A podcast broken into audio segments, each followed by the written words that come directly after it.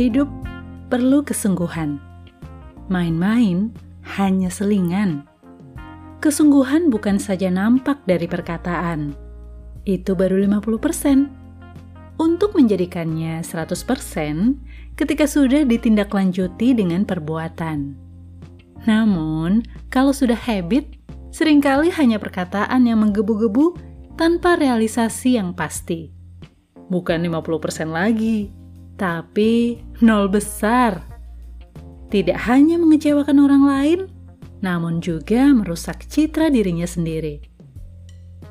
Perkataan indah, janji manis memang menyenangkan telinga. Namun pada akhirnya, setiap orang butuh kepastian, butuh kesungguhan. Gagal memang manusiawi, namun paling tidak sudah berusaha, bersungguh-sungguh.